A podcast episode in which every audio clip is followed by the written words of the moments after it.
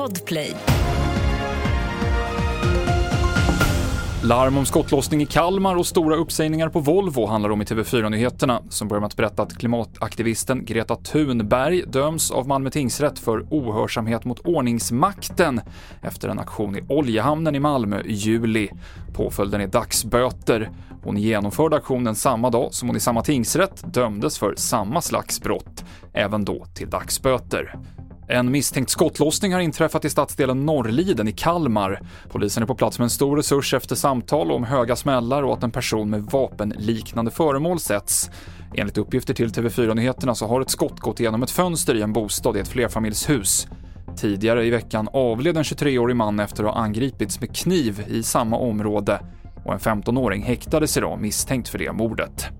Bränslet är slut på ett kraftverk som producerade elektricitet i Gaza, vilket innebär att den enda strömmen som nu finns kommer från generatorer som bland annat sjukhusen använder. Israel genomför vad man kallar en blockad mot Gaza där införsel av mat, vatten och el har stoppats. Dödssiffran efter Hamas överraskningsattacker i helgen i Israel har stigit till 1200 personer och över 1000 har dödats i de israeliska flyganfallen.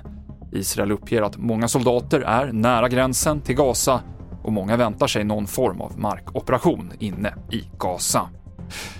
Polisen har bekräftat att närmare 200 kilo sprängmedel och en större mängd narkotika togs i beslag i en insats norr om Uppsala igår.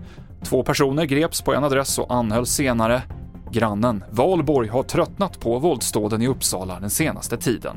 Jag tycker det är så konstigt varför våra ungdomar, eller det är ju inte bara unga, varför sysslar man med detta?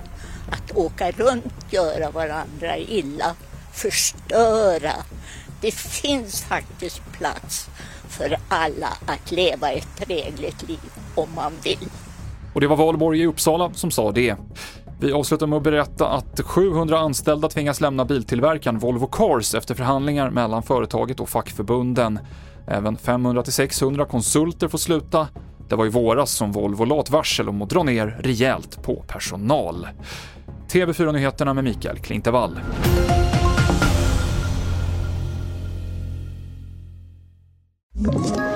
Ett poddtips från Podplay. I fallen jag aldrig glömmer djupdyker Hasse Aro i arbetet bakom några av Sveriges mest uppseendeväckande brottsutredningar.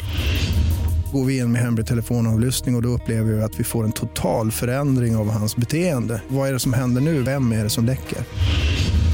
Och så säger han att jag är kriminell, jag har varit kriminell i hela mitt liv men att mörda ett barn, där går min gräns.